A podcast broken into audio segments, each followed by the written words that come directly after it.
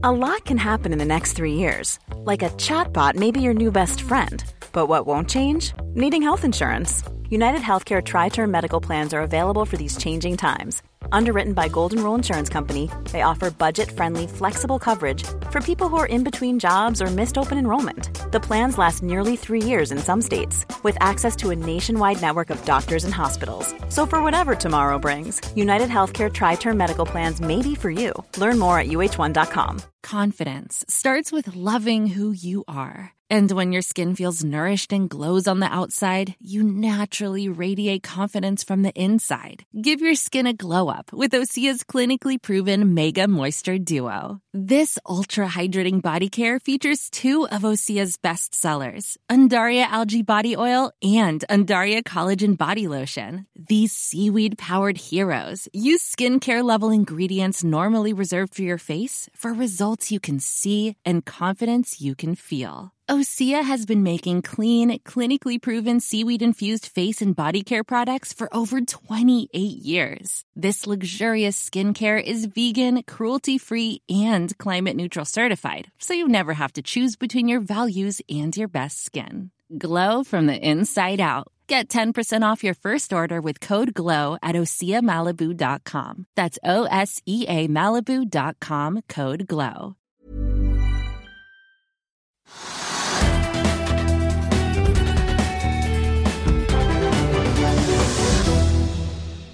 Velkommen til Økonominyhetene i dag, onsdag. I dag skal vi se nærmere på Oslo Børs. Vi skal også gjennom bitcoin og USA. Vi begynner med noen hovedpunkter fra børsdagen. Vi tar eh, også med oss at vi har med oss Emil Eriksrød, som eh, gikk på børs eh, Euronext Growth i dag med selskapet R8 Group. Aker Solutions har sikret seg en rammeavtale med Petrobras utenfor Brasil. Kontraktsverdien er et sted mellom 1,2 og 2 milliarder kroner, og aksjene er tilnærmet uendret på nyheten i dag. Vi tar også med oss at For en og en halv uke siden sendte Seadrill fem borerigger til opphugging. Nå selges nok en rigg, da West Vigilant, for 7,3 millioner dollar, ifølge konkursretten i Texas. Sidil har varslet at det kan komme til å skrape hele ti rigger, og aksjen er ned 0,5 i dag. Vi tar også med oss at oppdrettsselskapet NRS er rammet av ILA for andre gang på kort tid. Det vil påvirke slakten, men det er usikkert hvor stor innvirkning laksesykdommen vil få. Aksjen faller tilbake 1 Oljeprisen styrker seg i dag, Trygve, og Oslo Børs det ser ikke ut til å bry seg noe om det.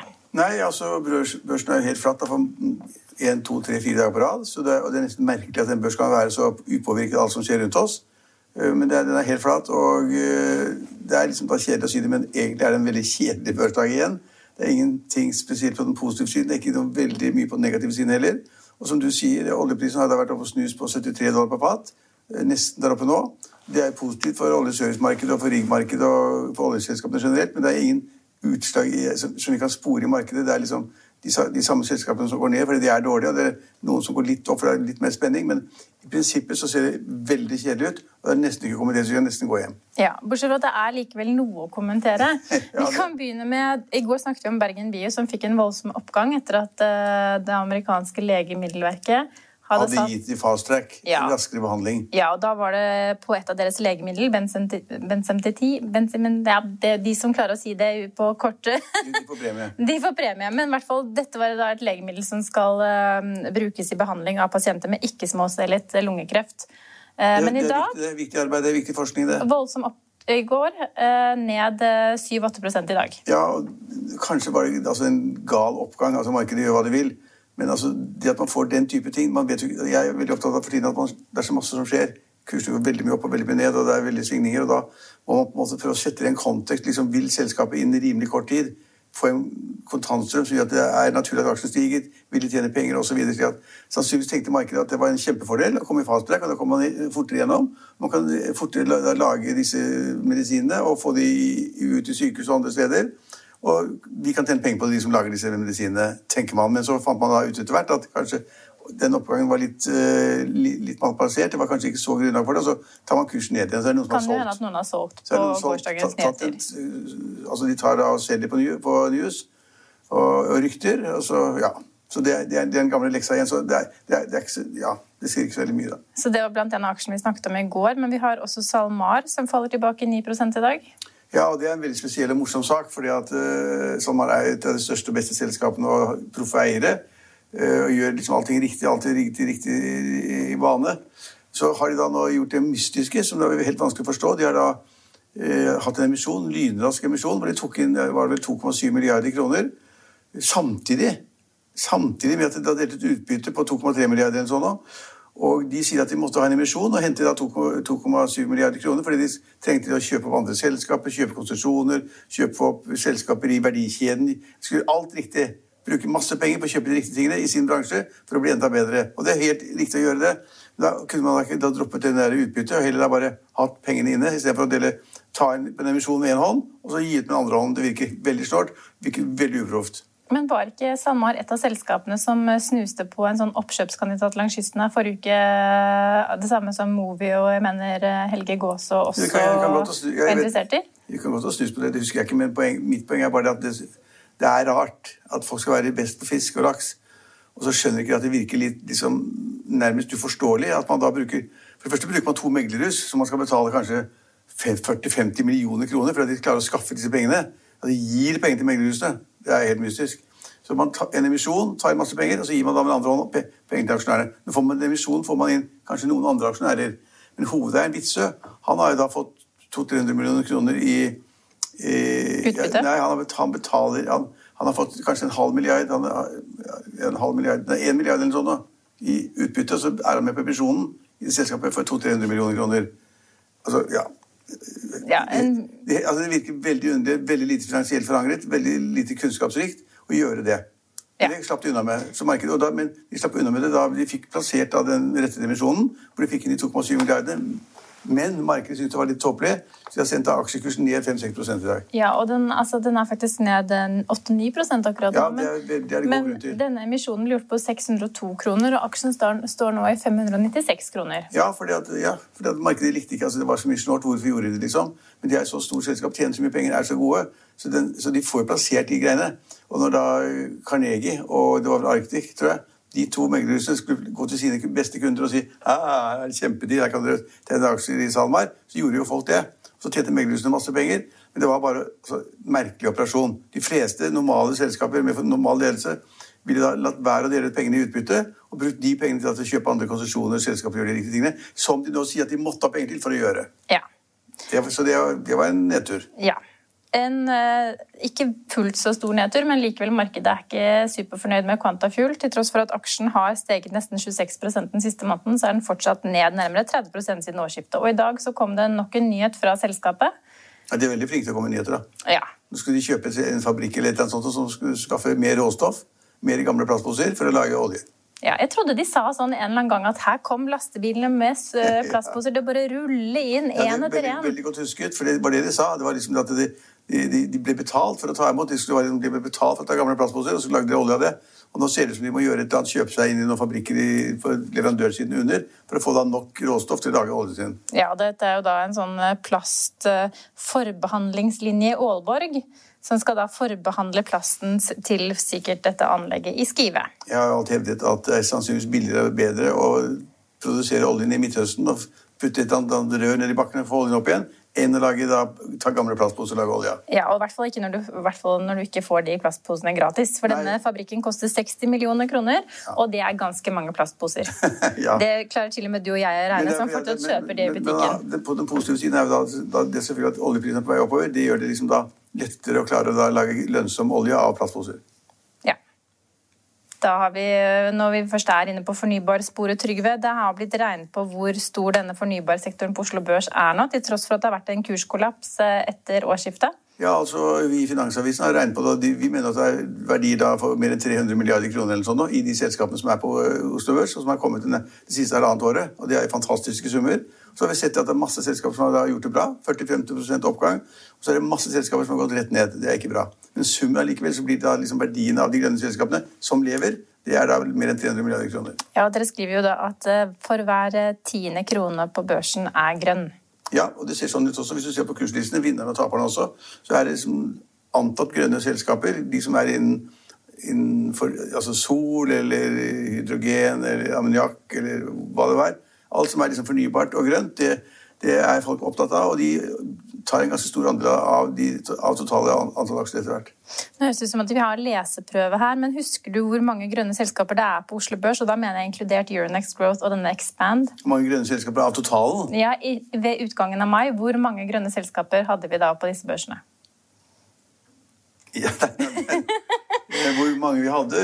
50 60 70 stykker? Ja, 52 ja, var, grønne selskaper. Ja, det, Da var fornøyd med den tingen, faktisk. Ja, Og fra bitcoin, nei, fra grønt til noe som ikke er fullt så grønt, i hvert fall ikke energimessig, bitcoin. Vi snakket om det i går. Da var det noen som hadde kjøpt eh, den dyreste leiligheten i verden med kryptovaluta. Om det var bitcoin, vet vi ikke. Da sto bitcoin i 32 000 dollar. I dag er vi oppe på 35 000 dollar per bitcoin, Trygve. Ja, altså det er det samme bildet der at uh, ja, det kan gå opp et, altså 1000 eller 2000 dollar i løpet av en eller to dager. Og den bitcoin var jo ned, eh, var jo ned 10 i en dag og 20 i løpet av to dager. Det er veldig mye. Og så har den vært oppe i 67 dollar per enhet. 1000, 67 000 dollar per enhet. Eh, så det skal man helst ikke være i. Men markedet er, det, er, det er spekulanter, det er masse mye rart, det er masse rykter er ute og inn. Så jeg, jeg syns det er ganske morsomt, at vi som driver med finansmarkedene og skal kommentere det som foregår der, så er bitcoin en spennende sak. Men vårt råd er å ikke være der. Altså Hvis du ikke har fantastisk mye penger, som Kjell Inge Røkke eller da Elon Musk hvis du, hvis du, ikke har så mye penger, så bør du ikke putte sparepengene inn i bitcoin eller andre kryptovalutaer. Ja, du må i hvert fall ha råd til å tape de sparepengene. Jo, jo, men han som da solgte det verdens dyreste hus, som du sa, da, fikk oppgjør i en eller annen valuta, kanskje bitcoin, kanskje en annen. Dagen etter så var da liksom det han solgte for 20% mindre verdt. Det er ikke så veldig gøy. Nei, da måtte du i hvert fall løpe og veksle. Var det ikke ja, det rådet ditt var? Men, jo, men jeg tror ikke du klarer å løpe og veksle de, de pengene i løpet av så kort tid. Jeg tror det tar litt lengre tid. Å få inn da verdien for da verdens dyreste bolig i bitcoin eller hva det var, og gått rundt hjørnet i en eller annen bank eller et annet sted, eller sender det bort for å få da pengene tilbake, sikkert tilbake på en konto, det gjør du ikke på en time. Men det som er nytt av dagen i dag, da, det er jo at El Salvador, som er da det minste og mest tettbygde landet i Mellom-Amerika, 6,4 millioner innbyggere, har godkjent bitcoin som betalingsmiddel.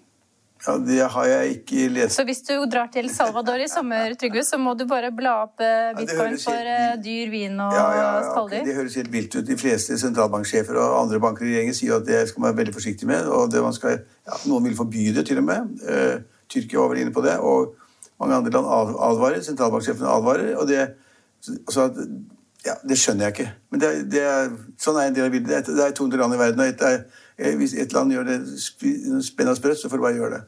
Vi så på forsiden av Finansavisen i dag at det var eh, en i slutten av 70-årene som hadde vært raskt med å selge boligen sin på privat bud. Eh, går Trygve Hegnar med tanker om å selge, buden, selge boligen i rekordfart? Den storyen der, det har ikke noe med meg å gjøre, men altså, den storyen er litt rar. fordi det er jo da det er, som, det er, veldig mange som ikke liker sånne Kuppinger. Kuppinger. kupper, boliger osv. Her er det åpenbart slik at en megler ikke hadde gjort en superjobb. da, Som da på en måte hadde solgt en bolig som egentlig var en tomannsbolig solgt den som en halv bolig eller en enmannsbolig eller sånn noe. Eh, og prisen var liksom 16 millioner kroner eller sånn noe. Det var det da selgeren som var i slutten av 70-årene. Han hadde gode det. Og så var det begynt å bli litt murring, for hvorfor var den ikke omtatt før eller gjort noe mer? eller hvorfor Den var, kom, kommet inn på Finn. Men det var liksom, det var på, i løpet av en kveld, klokka var 22.30, så hadde denne eldre mannen da, via, på grunn av en dyktig megler, som sa da må du selge. Og så ville han selge, og så begynte han å lure, og så sa, sa de da du kan få en million til. Så kjøperen, altså et sånn utbyggingsselskap, da, som skulle ta den boligen på Nordberg, og kanskje bygge flere boliger der, eller dele den ene opp i to, eller hva, hva vet jeg, de blir beskyldt for å ha smurt da liksom salget ved å gi en, ta en million til. Men 16 blir 17, og etterpå viser det at noen mente at boligen var verdt 30. Ja. Det var ikke så bra. Ikke så Men jeg bra. mener jo at folk i slutten av 70-årene må få lov å selge boligene sine. For akkurat det de vil selge den for. Det De vil selge for. Ja. Så over til USA-børsene, og stemningen på Wall Street er eh, kanskje litt uspennende. Vi har i hvert fall eh, blandede børser. Vi ser at eh, Dow Jones faller tilbake 0,1% Nasdaq stiger 0,4% og SMP 500 opp 0,1 Sendingen vår er tilbake i morgen klokken 15.30. Følg med oss igjen da.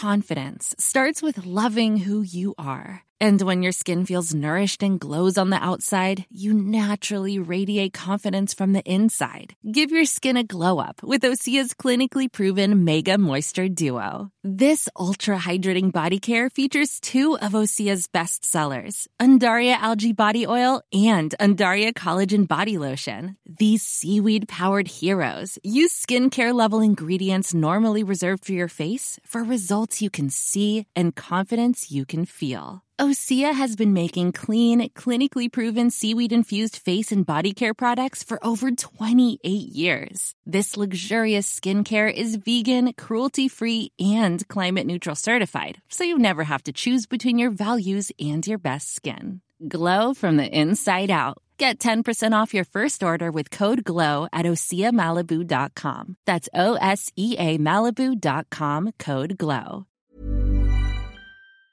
Økonominyhetene er en podkast fra Finansavisen. Programledere er Marius Lorentzen, Stein Ove Haugen og Benedikte Storm Bamvik. Produsenter er Lars Brenden Skram og Bashar Johar. Og ansvarlig redaktør er Trygve Hegnar.